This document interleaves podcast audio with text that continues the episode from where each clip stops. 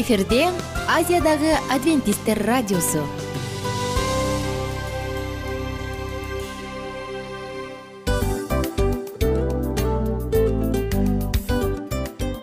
Достор салют. Баардык сүйүктүү угармандарыбызга салам айтабыз. Кутман күнүңүздөр менен. Ден соолук өмүрдүн булагы демекчи саламат саамы программасында баарыңыздарды көргөнүбүзгө абдан кубанычтабыз. Анда алгач амандашып өтөлү арбаңыздар деп. Ден соолугуңуздар кандай элибизде көбүнчө ден соолук кандай дегенде эле жакшы деп жооп беребиз э? ооруп турсак дагы жакшы дейбиз. Анан мен муну айтып ойлойт элем бул абдан сонун сөз депчи анткени бул жакшы деген үмүт да ооба баары жакшы болот. Баары сонун. Деп үмүттөнүп атып эле өзүбүздү өзүбүз дарылап коебуз. Анысы кандай сиздин дагы ден соолугуңуз жакшы беш деген үмүттөбүз чындыгында ден соолук бул өмүрдүн булагы деп бекеринен айтылган эмес деп ойлойм. Кыргыз элинде анткени эгерде ден соолук жок болсо анда адамдын жашоосунда калган баардык керектүү маңыздуу нерселер өзүнүн баалуулугун жоготуп коет. Ошондуктан ден соолук бул эң керектүү нерсе. Ооба туура айтасың кесиптешим чынында ден соолугуң жок бир эки үч күн ооруп калсаң эле кандай болуп калат? Жашоодо көз каранды болуп каласың көп нерсеге жетишпей каласың көп нерсени кыла албай каласың жада калса эшикке дүкөнгө да чыга албай каласың. Туптуура анан ден соолук болсо демек биз биздин бактыбыз тоодой деп койсок болот. Анда достор саламат саамы рубрикабызды баштайлы. Алдыда өзүңүзгө керектүү болгон сонун кеңештерди уга аласыздар. Мына ошондуктан биз менен бирге болуңуздар. Ал эми биз болсо милан жана айнура. Кеттик алга. Алга саламат саама ден соолуктун жарчысы. Саламат саама ден соолуктун ачкычы. Күн сайын сиз үчүн мыкты кеңештер сонун жаңылыктар кызыктуу фактылар биздин рубрикада.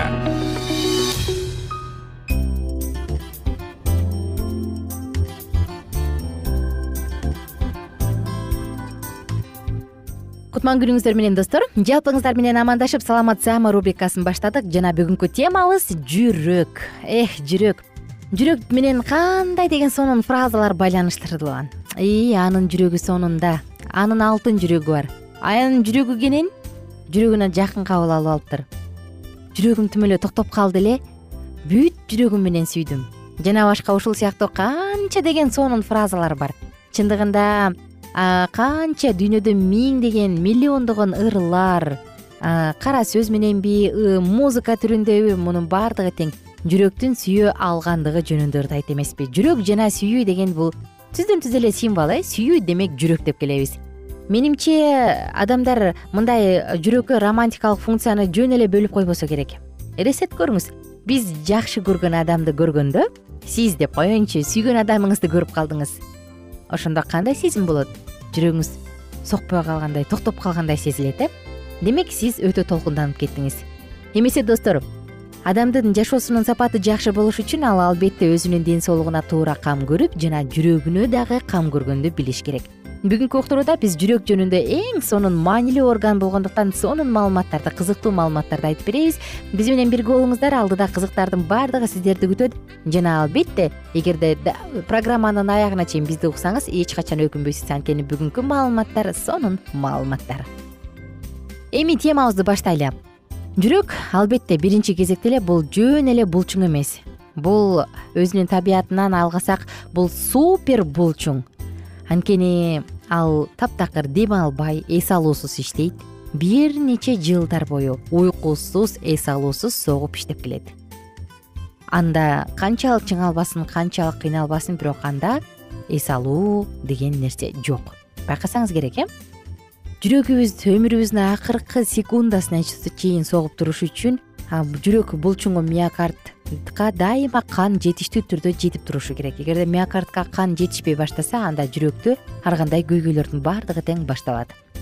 Эми болсо биз эгер жүрөктү кандайдыр бир прибор менен салыштыра турган болсок анда буну эң эле күчтүү булчуңдуу насос десек жаңылышпайбыз. Анткени чынын эле насос ал күнүнө канча деген канды айлантат алдыда кененирээк айтып берем ага чейин жүрөктүн массасын айтсак. Жүрөктүн массасы ии жүрөгүм өзүмдүн булчуңумдай эле деп коет эмеспизби? Жүрөктүн массасы эки жүз элүү граммдан үч жүз элүү граммга чейин болот. Кандай гана кичинекей караңызчы бирок бизди өмүр менен камсыздап турат. Дал ушул эки жүз элүү үч жүз элүү граммдык кичинекей булчуң жүрөк күнүнө жети миң алты жүз литр канды өзү аркылуу өткөрөт. Жети миң алты жүз литр эгерде жүз миң километр майда майда кан тамырлары аркылуу өтө турган жети миң алты жүз литрди бир күндүк чуркап жатканын элестетсек ой анда жүрөктүн ушул үч жүз элүү граммдык жүрөктүн жумушу канчалык оор экенин байкайбыз. Караңызчы. Анан кичинекей балдардын жүрөк согуусу чоң адамдардыкына караганда өтө тез болот. Мисалы кичинекей жаңы төрөлгөн балдар кичинекей кезинде бир мүнөттө жүз жыйырма ударга чейин соксо он эки жаштагы баланын жүрөгү минутасына жүз жолу согот экен.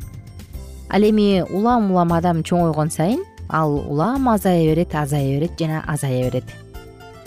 Эгер биз жүрөгүбүздүн күчтүүлүгүн күчүн кубаттуулугун эсептей турган болсок бул бирден беш ваттка чейин жетет. Эх жүрөк жүрөк жүрөк канчалык гана сонун орган караңызчы. Ал сүйгөнгө да сүйдүргөнгө дагы жөндөмдүү анан адамдын жүрөгү жакшы экен деп аянын жүрөгү акай деп анын сапаттыгын адамдын мүнөзүн дагы дал ушул жүрөк менен аныктайбыз э. Чоң адамдардын жүрөгүн айта турган болсок алар алтымыш беш жаштан өткөндөн кийин же болбосо алтымыш беш алтымыш жаш курагында улам азая баштайт. Ага чейин чоң адамдардын жүрөгүнүн кагуусу жетимиш эки жолу минутасына согот жана улам жетимиш алтымыш сегиз алтымыш болуп азаят экен ошондой эле достор аялдардын жүрөгү мырзалардыкына салыштырмалуу секундасына сегизден он ударга чейин минутасына сегизден он ударга чейин көбүрөөк согот.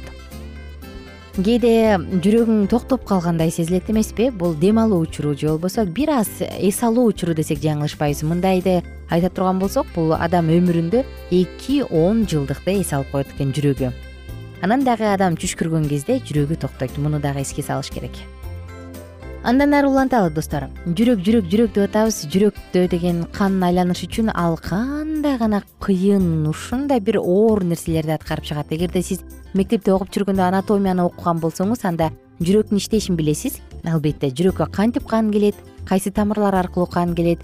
Жүрөктүн ичинде кан кандай түстө болот? Ал кара кочкул түстө болот э жана жүрөктөн чыгып ал кантип дененин баардыгын тырмактарга чейин жүгүрүп барып анан кайра айланып келет? Мунун баардыгы тең эң эле чоң кызыктуу анатомия мына ошондуктан эгер кызык боло турган болсо анда айтып койсоңуз болот. Э, окуп койсоңуз болот дагы бир жолу. Баардык майда капиллярилердин баардыгын тең узундугун айта турган болсок бул сегиз миң километр. Сегиз миң километрди жети миң алты жүз литр кан күнүнө айланып өтүшү керек. Ой ойбой кандай гана маанилүү. Жүрөккө кан канчалык деңгээлде жакшы жетиштүү жетип атса демек адамдын мээсине дагы кан ошончо жакшы жете алат. Жүрөктө канчалык чоң көйгөйлөр пайда боло баштаса демек мээде адамдын жалпы организминде чоң чоң көйгөйлөрдүн пайда боло баштагандыгы.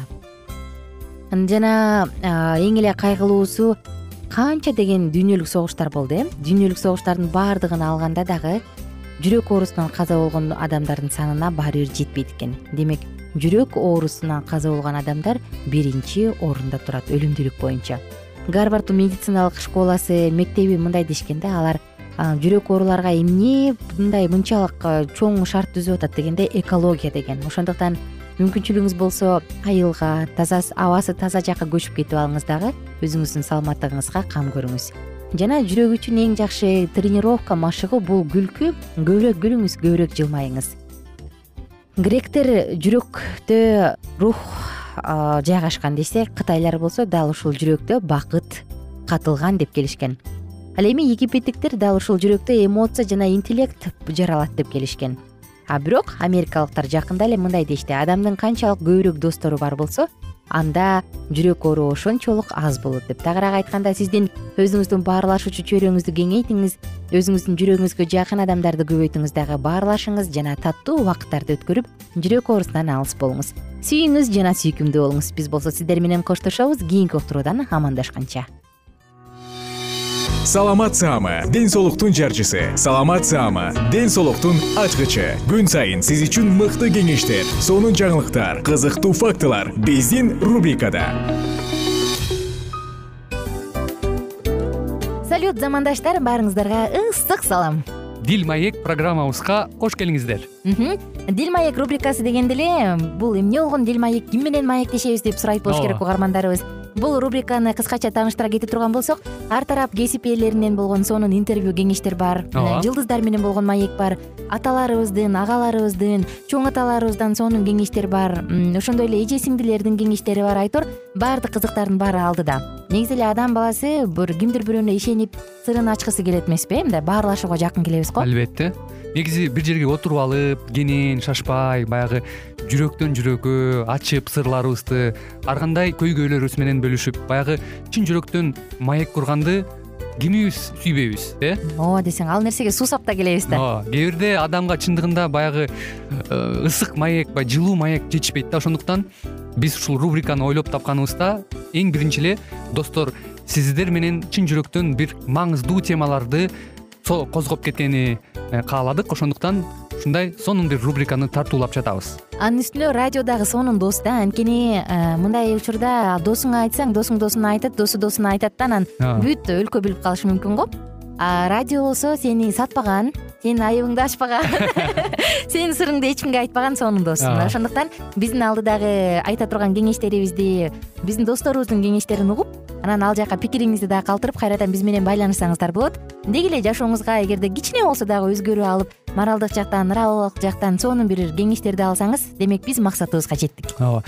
Чыңгыз атабыз улуу жазуучу э, чыңгыз айтматов айткандай адам болуу бул күнүмдүк процесс экен. Күн сайын адам бойдон калуу бул адамзатка эң эле кыйын дейт э? э эң кыйын дейт. Чындыгында бунун э, негизинде адамдын эң баягы сапаттуулугу адамдын адамгерчилиги жана көптөгөн керектүү нерселер мына ошол темалар дагы бизде ушул дил маекте биз аларды да козгойбуз. Ден соолук жөнүндө да сүйлөшөбүз. Сөзсүз түрдө анан милан мырза негизи айтып коюшат го.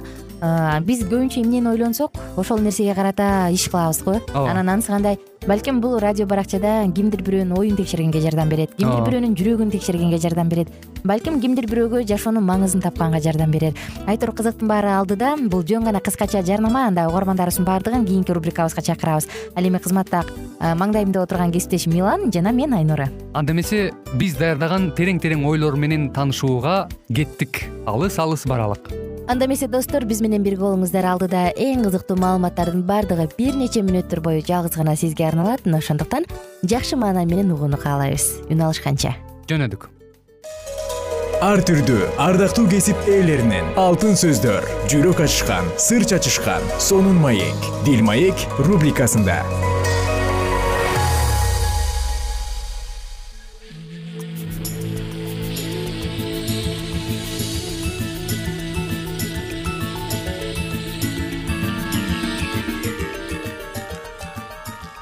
ассалому алейкум ардактуу радио угармандарыбыз кайрадан эле сиздердин назарыңыздарда бактылуу никенин баалуу эрежелери аттуу программабызды баштамакчыбыз. Бүгүнкү программабыздын чыгарылышында кайрадан эле биз сиздер менен дал ушул үй бүлө жаатына арналган бир нече кеңештер туурасында бөлүшүп өтмөкчүбүз. Андыктан бул мүнөттөрдө биздин одон алыстабай биз менен биргеликте кала бериңиздер. Микрофондо кайрадан эле кызматыңыздарда аты жөнүм мен улан кубанычбеков жана ошондой эле кесиптешим. Саламатсыңарбы жана мен асель мамбетова анда эмесе бүгүнкү программабызда биз сиздер менен дал ушул никелик жашоодогу ынтымактык туурасындагы бир нече окуялар жана ошондой эле кеңештер туурасында бөлүшүп өтмөкчүбүз. Сиздердин көңүлүңүздөрдү кызыктуу бир окуяга бургубуз келет. Окуя эки кошуна тууралуу болмокчу.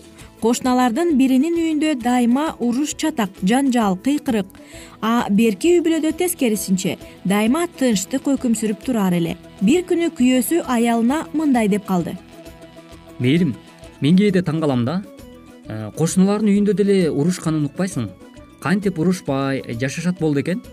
Барып сурап келейинчи кандай жатасыңар жибек? Жакшы жакшы кел төргөт.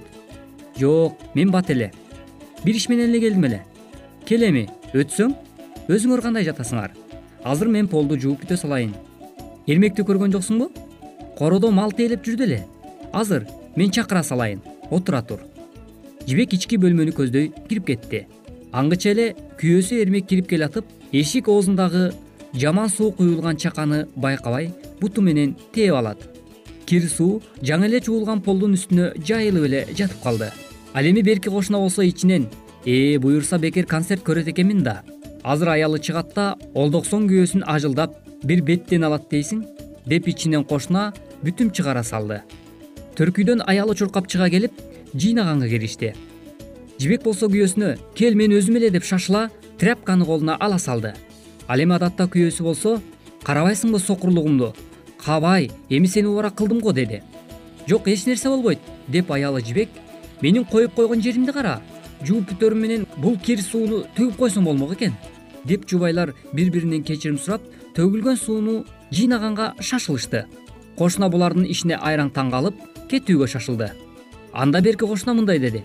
Э кошуна каяка? Отура тур биз бат эле жок рахмат менин сурайын дегениме жооп берип койдуңар таң калган күйөө үйүнө келип аялына мындай дейт. Э кызык экөөнүкү тең туура эмес болсо дагы ынтымактуу жашашат. Ал эми экөөбүздүкү туура болсо дагы уруша беребиз. Эмнеге ыя деп сураптыр кымбаттуу жубайлар. Ынтымактуу жашоонун сырларынын бирин жогорудагы окуядан улам баамдап билип алсаңыздар деп үмүттөнөм. Сени чындап сүйгөн адам. Эки бөлөк кеткенге миң себеп болсо да сени менен калууга бир себеп сөзсүз табат. Кандай үй бүлө ынтымактуу делет? Эркек аялга мээримдүүлүк ак дил менен караса энеге балдарды тапкан улуу адам катары мамиле кылса атаны болсо бүт үй бүлө үйдү тиреп турган түркүк катары баарын тартып бараткан улуу күч катары эсептесе аял менен эркек бирисиз бири чоң нерселерди чечпей кеңешип иш кылса бирин бири жоготуп алуудан коркушса бири экинчисинен акыл калчап бир нерсени чогуу чечишсе аял өз ишин эркек өз ишин билип ошол тармактарды жакшы бүткөрсө балдарды тарбиялоодо ар кимиси өз ордун сезе алса балдары болсо урмат менен карашса үй бүлөдөгү кырдаалдарды кайната кайнене кайын журтту кадырлап тосуп алып аларга кыздардай уулдардай мамиле кылса кайнене кайната келинин кызым деп күйөө баласын уулум деп эсептесе ошол үй бүлөнүн илгертеден келе жаткан салттарын сактай билишсе майда нерселерден чоң уруш талаш чыгарбаса бири бирин урматтап ошол кийсин ошол ичсин деп турса ушак аралабаса жана ар кандай ушак сөздөргө ишенбесе үй тиричилигинин баарын бирдей тартышса ушундай үй бүлө бекем болот. Жана ошол бекемдик ал үй бүлөдөн бөлүнүп чыккан кийинки жаңы үй бүлөлөргө жугуп аларга оошуп турат да жалпы коом таза болот деп биз терең ишенебиз албетте э, негизи эле кыргыз элинде айтылган дагы жакшынакай э, кеп бар эмеспи мисалы ынтымак бар жерде ырыс бар демекчи. Сөзсүз түрдө сиздин үй бүлөлүк жашооңузда демек ынтымак боло турган болсо албетте бул жаатта таза үй бүлө жана таза коом түзгөнгө дагы ар бирибиз чоң салым кошкон болот экенбиз буга чейинки уктуруубузда дагы биз дал ушул туурасында баса белгилеп өткөнбүз. Андыктан негизи эле коомдун күзгүсү боло турган бул үй бүлөдөн башталат экен. Андыктан үй бүлөнүн башаты башчысы сөзсүз түрдө бул аял менен эркек болгондуктан э, бул нерселерди колго алып жана ошол эле учурда э, балдарыбызга татыктуу тарбия берип ынтымакта өмүр сүрө турган болсок анда биз дагы өзүбүздүн жашап жаткан өлкөбүзгө мамлекетибизге таза коомду жана ошол эле учурда татыктуу инсандарды тарбиялаганга биз чоң салым кошкон болот экенбиз. Ардактуу айымдар жана мырзалар бул нерселерди эстен чыгарбооңуз абдан зарыл экен. Демек мына ушундай позитивдүү көз караш менен э, бул нерселерге э, аракеттене бериңиз деген тилегибизди билдирүү менен биргеликте алдыда дагы бир нече кеңештерибизди айтып өткүбүз келет айрым аялдар бар. Көчөгө чыкканда түрлөнүп кийинип аты рупа менен колдонуп чачын тырмактарын жасалгалап калат да ал эми үйүндө болсо качан көрсөң колтугу сөгүлгөн халатты кийип же таманы түшкөн галошун сүйрөп алат. Мындай аял жолдошу алдында жасанбаган аял жакшы аял эмес. Жакшы аял үй ээси жаман аял жол ээси. Жакшы зайып бөдөнөнү бөлө кылат. Жакшы катын жаман эрди зор кылат жаман катын жакшы эрди кор кылат жакшы катын капкалуу шаар. Жаман катын ичи толтура заар. Жакшы катын катын жаман катын отун жана башка кыргыз макалдары үй бүлөдөгү аялдардын ордун белгилөөдөн улам чыккан окшойт албетте жогорудагы айтылган сөздөрдүн баардыгына толугу менен кошулмакчымын. Себеп дегенде кыргыз эли учкул сөздөргө накыл кептерге бай калктардын катарына ээлегендиктен демек биздин ата бабаларыбыз жашоодон алынган нерселерди сөзсүз түрдө макал лакапка салып таамай айтып дал ушул бизге окшогон үй бүлөлөрдү тарбиялап келген десек дагы эч убакта жаңылбайт чыгарбыз. Кайрадан эле биз сиздер менен бактылуу никенин баалуу эрежелери аттуу программабыздан кезишкенче аман туруңуздар ар түрдүү ардактуу кесип ээлеринен алтын сөздөр жүрөк ачышкан сыр чачышкан сонун маек дил маек рубрикасында.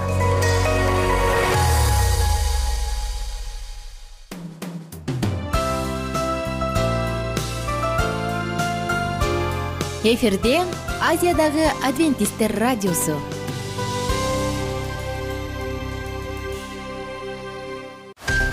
жан дүйнөңдү байыткан жүрөгүңдү азыктанткан жашооңо маңыз тартуулаган жан азык рубрикасы.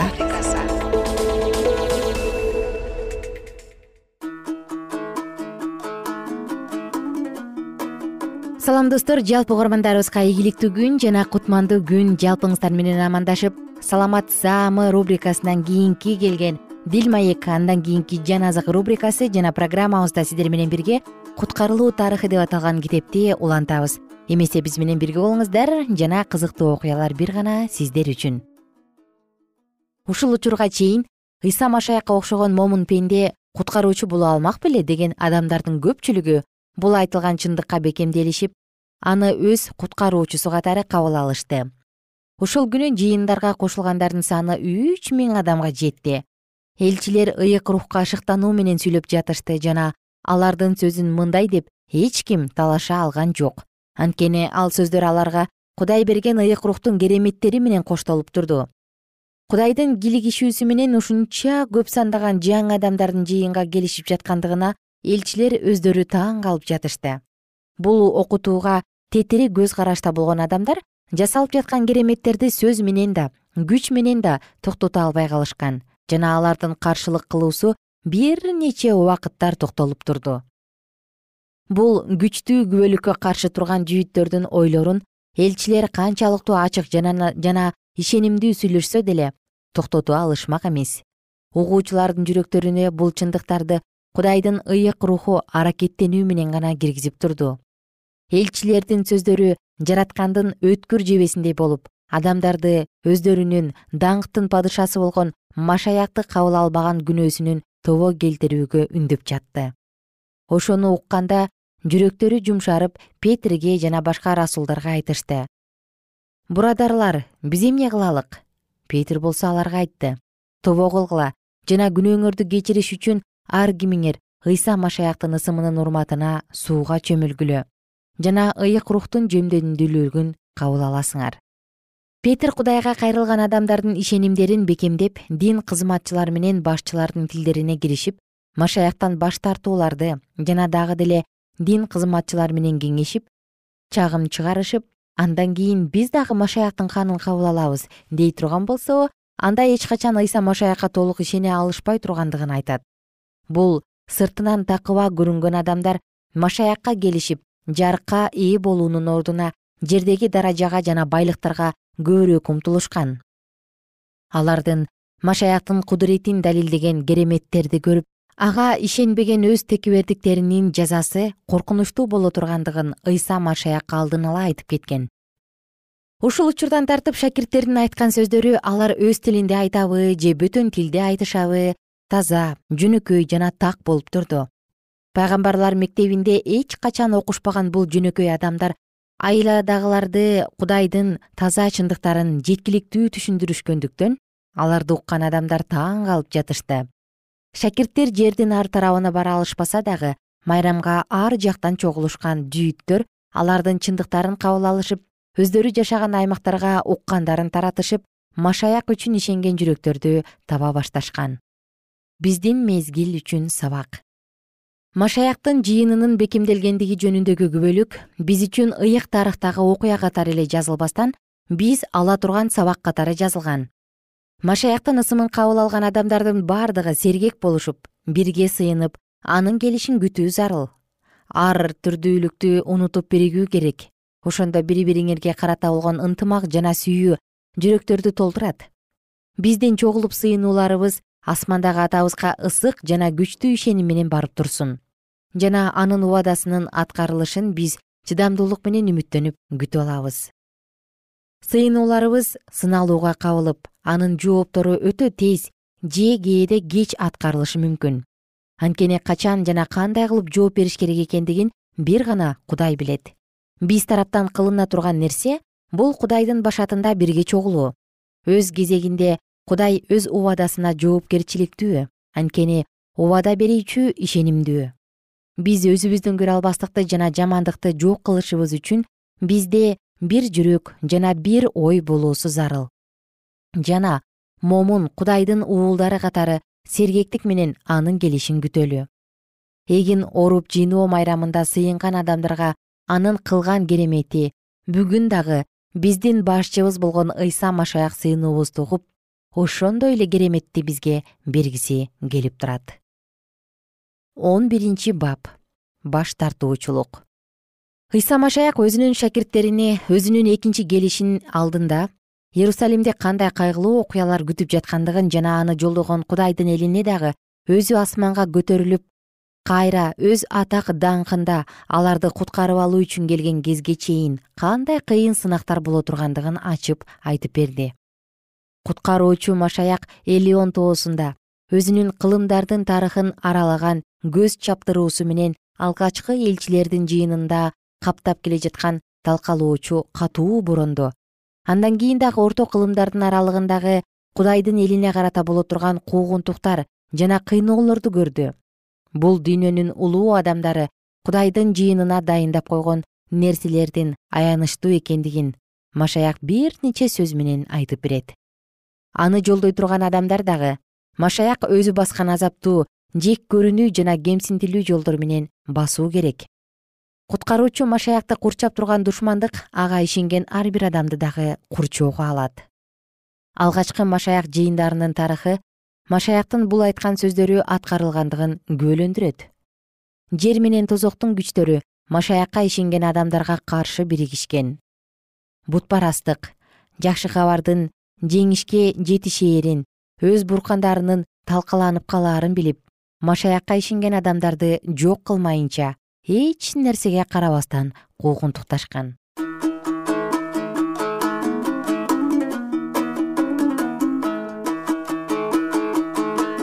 Кымбаттуу угарман ардактуу досум сиздер менен кызыктуу окуябызды дал ушул жерден токтотобуз жана кийинки уктурууда албетте мындан ары улантабыз. Чындыгында кандай куугунтуктар болгон тарыхта кандай адамдар өзү эрдигин жаратуучуга болгон ыйса машаякка болгон сүйүүсүн көргө салган? Бул тууралуу биз алдыңкы уктурууларда сөзсүз кеп кылабыз ал эми сиздерге кааларыбыз көңүлдүү күн бар болуңуздар жана аман болуңуздар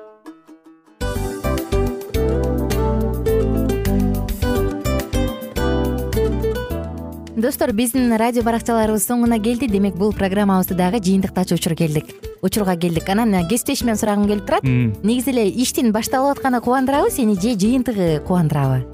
Албетте жыйынтыгы. Себеп дегенде сен кылган ишиңдин жыйынтыгын көрүп э, баягы мөмөсүн көрүп дегендей жыргайсың жүрөгүң жемишинен тартып э кандай даамдуу деп. Баягы буудай сепкенде эмес буудай эгинди жыйнагандан кийин ысык нанды жегенде кадимкидей ырахаттанасың го. Ой айтпа туура айта кеттиңиз. Сонун салыштыруу болду анан мен дагы абдан кубанып турам анткени биз угармандарыбыз үчүн аябай эмгектенип келген уктуруубуздун соңуна келип калдык.